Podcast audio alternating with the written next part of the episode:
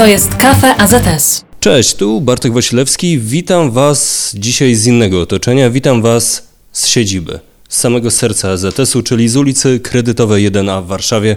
Jest ze mną sekretarz generalny AZS-u Dariusz Piekut. Cześć. Cześć, witam Was wszystkich serdecznie.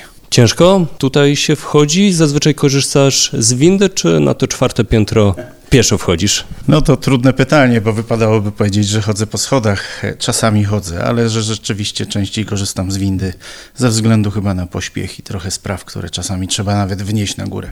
To gdzie ten czas na kulturę fizyczną i na sport? No, to jest, jak to mówią, najciemniej pod latarnią, prawda? Więc e, zawsze go brakuje. Ja bardziej sezonowo się angażuję w sport, e, żagle, narty. Ostatnio przywracam trochę moje e, zmagania z tenisem. Czyli czas wolny, czyli uprawianie sportu, czyli żagle, czyli tenis, czyli sporty sezonowe. I jak z tego wszystkiego, i narty oczywiście, jak z tego wszystkiego narodził się AZS w Twojej głowie kiedy to było? Historia jest bardzo specyficzna, długa i nie wszyscy pewnie w to uwierzą, ale zaczęła się na pierwszym roku studiów tak naprawdę. Trafiłem chyba trochę przez przypadek do AZS-u, bo tak naprawdę zostałem zachęcony do tego, żeby przyjść kandydować do samorządu studenckiego. Tam się okazało, że byli fajni ludzie z AZS-u, no i najpierw zostałem członkiem AZS-u. E, no a potem kolejne osoby, kolejne zdarzenia, no i tak od drobiazgów mam taką swoją teorię od WPZ do WPZ, czyli od wynieść, przynieść, pozamiataj, w konsekwencji do wiceprezesa, no a teraz sekretarz generalny, więc to droga trochę już trwa, bo chyba ze 26 albo 7 lat, no ale chyba wszystkie etapy, wszystkie szczeble solidnie odrobione po drodze. Czyli gdy zaczynałeś, to tak szybko licząc, to były szalone lata 90., ta cała Polska, która zmieniała się na naszych oczach i stwierdziłeś, że chcesz zostać działaczem sportowym. Jak to wtedy brzmiało? Wcale nie chciałem zostać działaczem sportowym. Studiowałem resocjalizację, miałem w głowie masę różnych takich myśli związanych z edukacją, z wychowaniem. Wcześniej skończyłem technikum elektroniczne, więc też zmiana, bo zamiast pójść na Politechnikę, poszedłem na studia humanistyczne i takie szukanie różnych rozwiązań. No i trochę przy okazji trafiłem na AZS, a tu trafiłem na wspaniałych ludzi. No i oni chyba we mnie zaszczepili taką pasję do robienia. Zawsze byłem społecznikiem, zawsze lubiłem być z ludźmi, zawsze gdzieś tam działałem. Byłem harcerzem, w jakichś tam wspólnotach modlitewnych. Kiedyś też taka przygoda, ale generalnie chodziło zawsze o ludzi, o to, że to były zawsze fajne grupy ludzi. No i na tych studiach świetna paczka ludzi związanych z AZS-em, którzy mnie e, zachęcili, pokazali. Poznałem AZS ogólnopolski. No i tak tak, okazało się, że powiedzmy nie jestem najgorszy, że mam może smykałkę, może umiem namawiać, jednoczyć, wymyślać różne wydarzenia. No chyba bez tego bym tutaj nie był, tu gdzie jestem dzisiaj. Jak ten AZS wtedy wyglądał i jak się zmienił do tego 2022? On się zmieniał w moim przypadku bardzo, bo ja byłem e, studentem dosyć małej uczelni, która sportowo się nie liczyła. Tam w zasadzie była kwestia bardziej organizowania czasu wolnego, tak zwanego upowszechniania w tym naszym wydarzeniu AZS-owskim. No i z tego wyrosłem, z takich prostych akcji dla tych, którzy może nawet wcale nie planowali być wyczynowymi sportowcami, a chcieli po prostu być aktywni, e, chcieli spędzać fajnie czas. No i to tak przez wiele lat byłem wiceprezesem do spraw upowszechniania, tu w zarządzie głównym.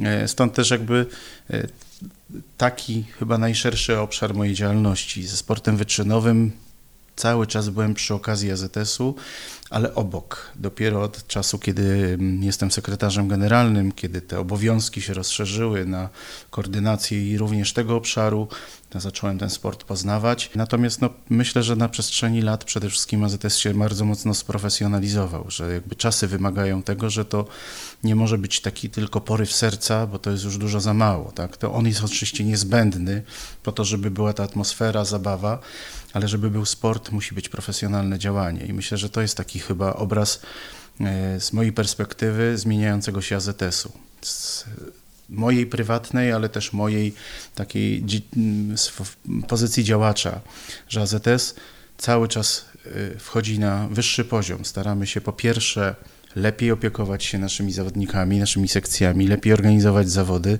lepiej oprawiać, lepiej je sprzedawać w tym sensie wizerunkowym, pokazywać, e, budować pewien obszar skojarzeń przede wszystkim, żeby Mm, też kiedyś uknąłem taką teorię, że mnóstwo sportowców, polskich sportowców najwyższej półki ma orła że tak powiem, na piersi, na koszulce i nikt nie wie, że w sercu mają gryf AZS. Tak? I to też chodzi o to, żeby pokazywać e, Akademicki Związek Sportowy przez pryzmat tych wszystkich największych sportowców, bo co tu dużo mówić, to oni są tymi, którzy zachęcają, to oni jakby są magnesem przyciągającym zarówno takich jak ja, kiedyś studentów, którzy trafili na uczelnię i nawet może nie wiedzieli, że z AZS-em się zetkną, I nagle okazuje się, że ten AZS jest w zasięgu ręki, że te najwyższe nazwiska, największe sławy polskiego sportu stają się nagle naszymi kolegami z jednej paczki AZS-owskiej, ale również też w tym obszarze, w którym AZS myślę, że ostatnio bardzo się wyspecjalizował w szkoleniu dzieci i młodzieży. Nie wiem, czy wszyscy to wiedzą, ale prowadzony jest taki ranking, gdzie jest sklasyfikowanych w ostatnim czasie, w ostatnim roku ponad 5 tysięcy klubów, no i w pierwszej dziesiątce jest 8 klubów AZS, czyli szkolimy sobie kadry na przyszłość. Wyłapujemy młode talenty, zachęcamy ich do sekcji AZS-owskich, rozwijamy po to, żeby potem mieć mistrzów olimpijskich. No i tak było w Tokio w 2021 roku, te opóźnione Igrzyska Olimpijskie.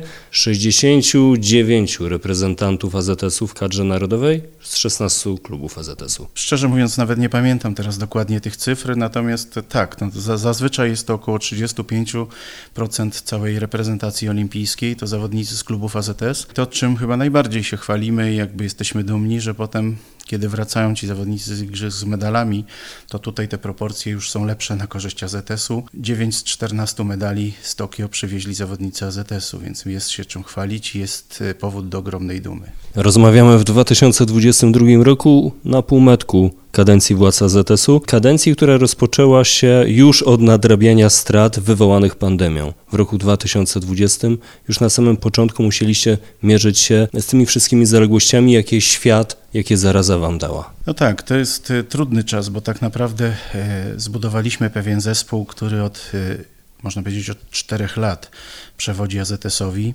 Najpierw była dwuletnia kadencja, kiedy musieliśmy trochę się pozmagać z powiedzmy poukładaniem się po poprzednich wyborach, ułożeniem pewnych pracy, zbudowania narzędzi. W momencie, kiedy chcieliśmy tak naprawdę ruszyć pełną parą, przyszła pandemia, zatrzymała nas. No, w sposób jak pewnie jak wszystkich całkowicie na początku nieprzewidywalny. Pewne ograniczenia, które zostały potem e, wprowadzone, niestety nas dotknęły bardzo mocno. Boleliśmy, że e, świat ten administracyjny nie zrozumiał, że AZS nie jest y, typową organizacją.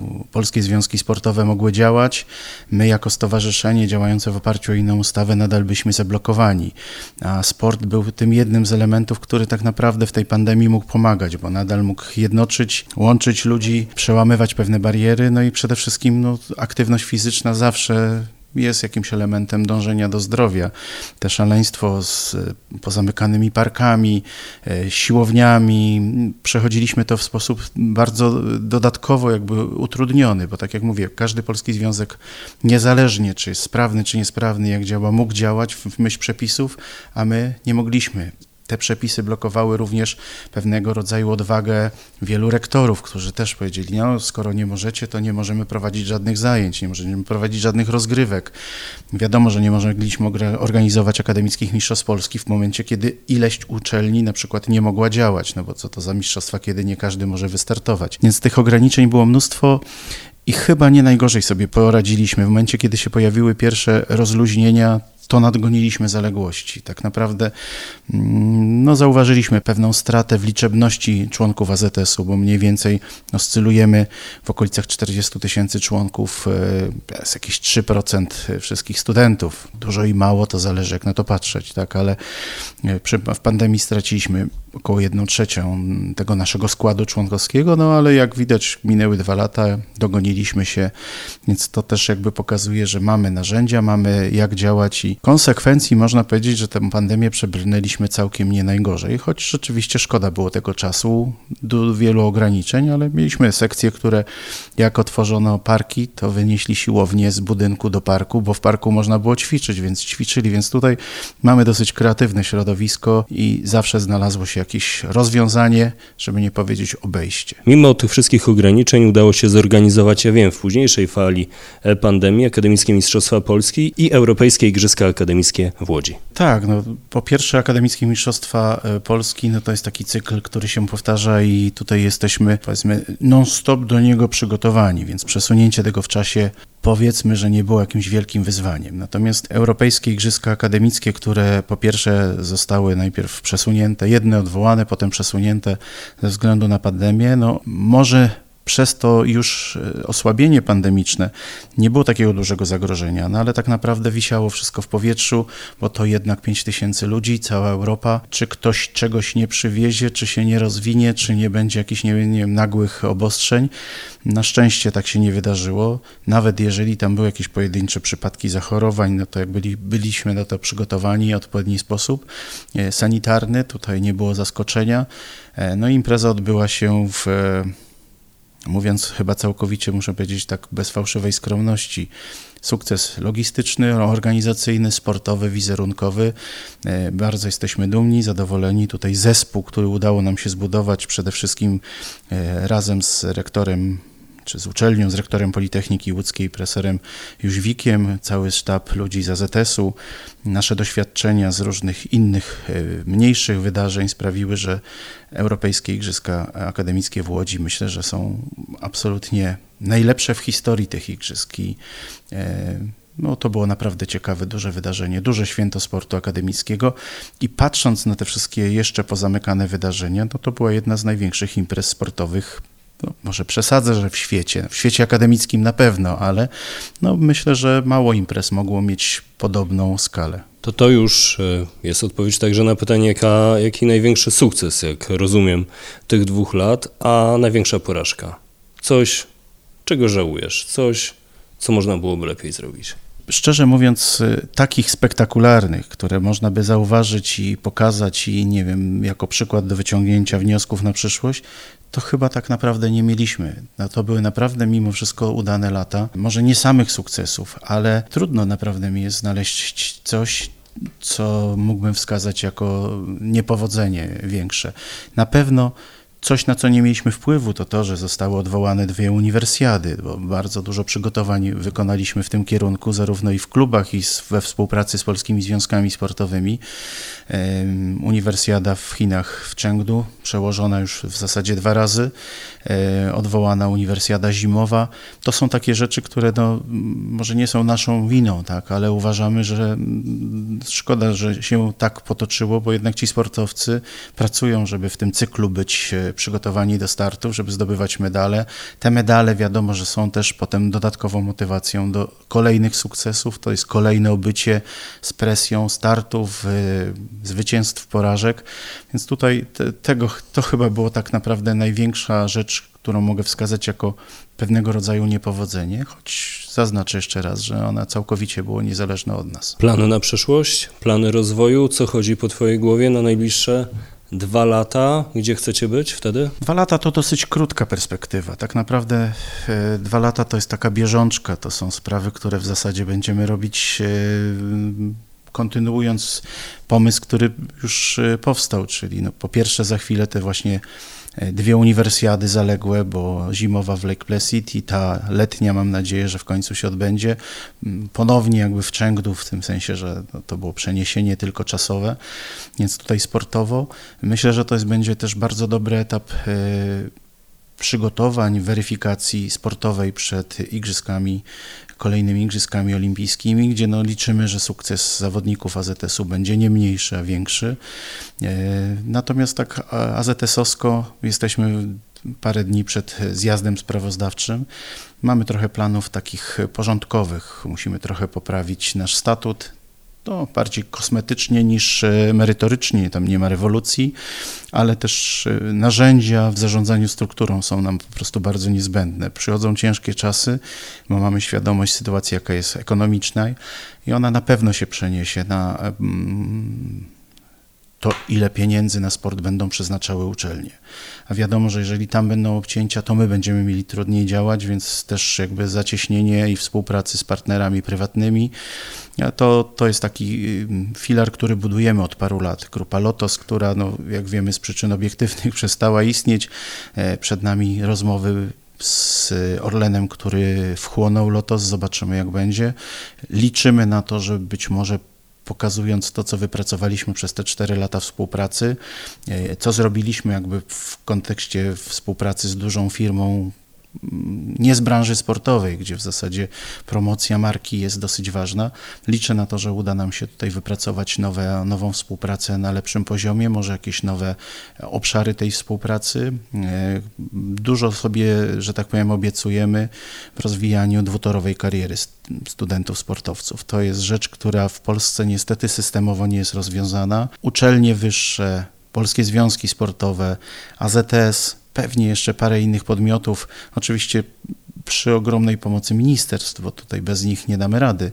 E, szukamy rozwiązań, ale tak naprawdę nie ma w tej chwili systemowego rozwiązania. W jednej uczelni jest lepiej, w drugiej gorzej. My szukamy też pomysłów. Myślę, że to jest bardzo ważne, żeby tym studentom, którzy łączą swój rozwój edukacyjny z rozwojem sportowym, a w ostatnich czasach też nie szukają na przykład swojego miejsca na, w Akademiach Wychowania Fizycznego, bo tam powiedzmy jeszcze z natury rzeczy jest e, dobrze, chociaż jest wiele uczelni już e, niezwiązanych ze sportem, które też bardzo mocno, że tak powiem, angażują się w sport, widzą w tym szanse i promocyjne, ale też wiedzą, że to musi iść w parze rozwój właśnie sportowy z edukacyjnym. Więc to jest jakiś obszar, który na pewno chcemy rozwijać. Mamy na pewno trochę spraw związanych z e, podniesieniem standardu naszych ośrodków. Tak? Znaczy one są naprawdę na niezłym poziomie, ale no, pracujemy w tej chwili nad dużą koncepcją przebudowy ośrodka w Zieleńcu, więc to są wyzwania, czy przystani wioślarskiej w AZS AWF Kraków nad Wisłą i paru innych miejsc. To w zasadzie w, w wielu ośrodkach mamy taką sytuację, że albo brakuje obiektu, albo go trzeba e, w jakiś sposób zmodernizować, dobudować, nadbudować, przebudować, no to są pieniądze, tak? To, to, to są dosyć duże pieniądze dzisiaj, też ze względu na w ogóle koszty takiej pracy, na koszty materiałów, na dostępność. Więc y, tych, tych obszarów oczywiście jest bardzo dużo, no bo sport powszechny, sport młodzieżowy, to mógłbym wymienić w kółko, bo to nie jest tak, że coś jest zrobione, i już możemy sobie odpuścić. Odhaczyć. Odhaczyć. Nie, no nie, to jest tak, że to jest żywa materia i cały czas bez inwestycji, bez rozwijania, bez ulepszania, udoskonalenia, gonienia czasami dobrych wzorców ze świata, z Europy, mm, no nie można. Jak odpuścimy, to jesteśmy, od razu spadamy daleko, więc jednym z elementów, na którym też mi osobiście bardzo zależy, ale to jest, że tak powiem, taki głos całego naszego środowiska. Bardzo chcemy zacieśnić współpracę z polskimi związkami sportowymi.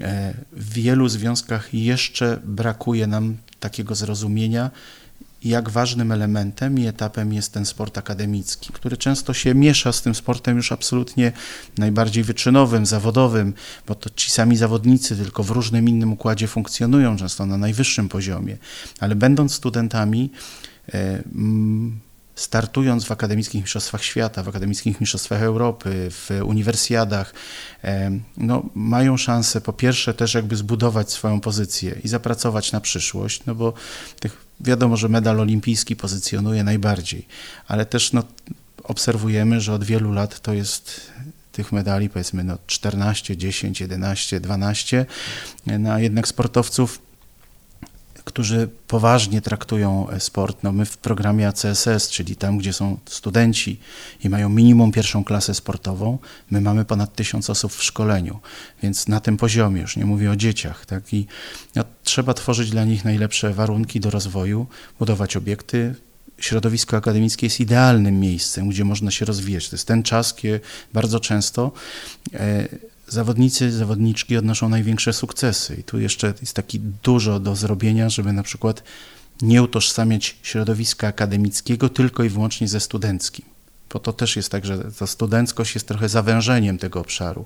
Natomiast ten taki powiedziałbym sportowy know-how, który mamy w klubach AZS, które mają od dzieci przez studentów po już absolwentów i w pewnym wymiarze no to są już zawodnicy seniorscy.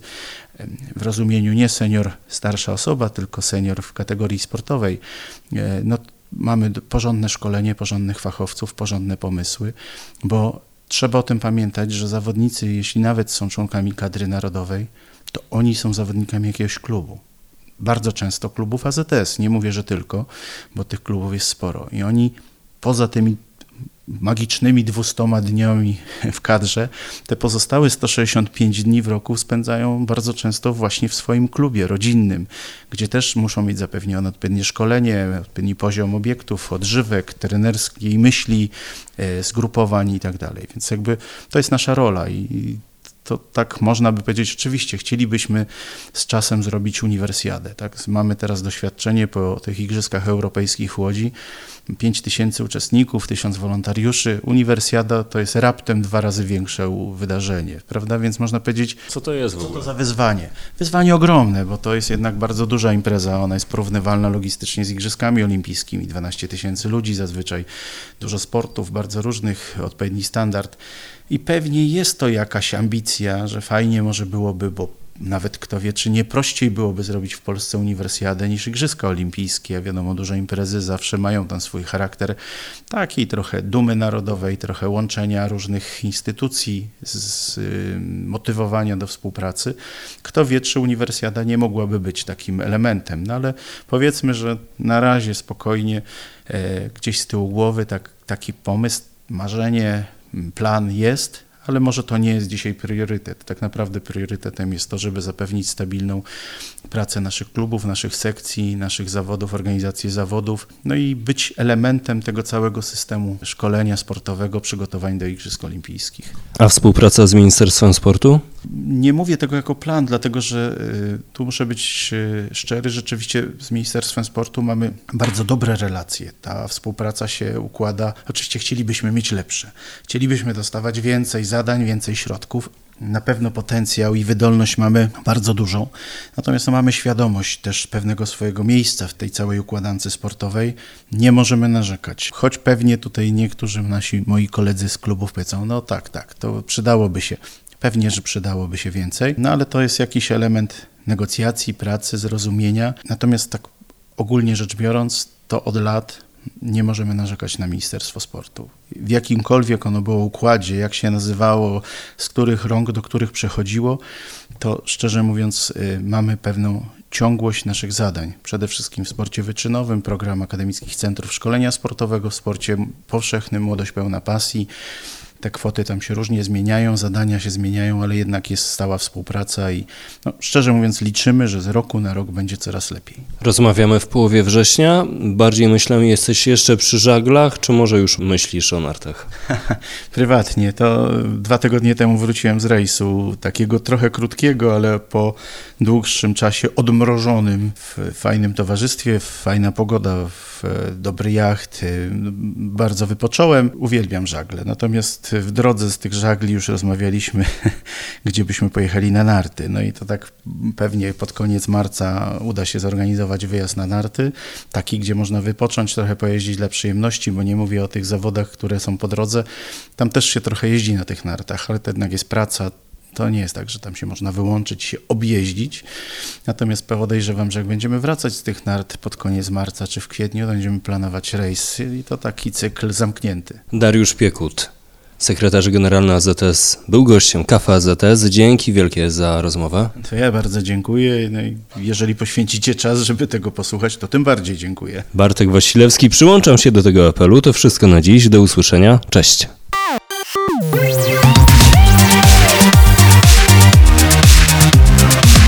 To jest Kafe AZS.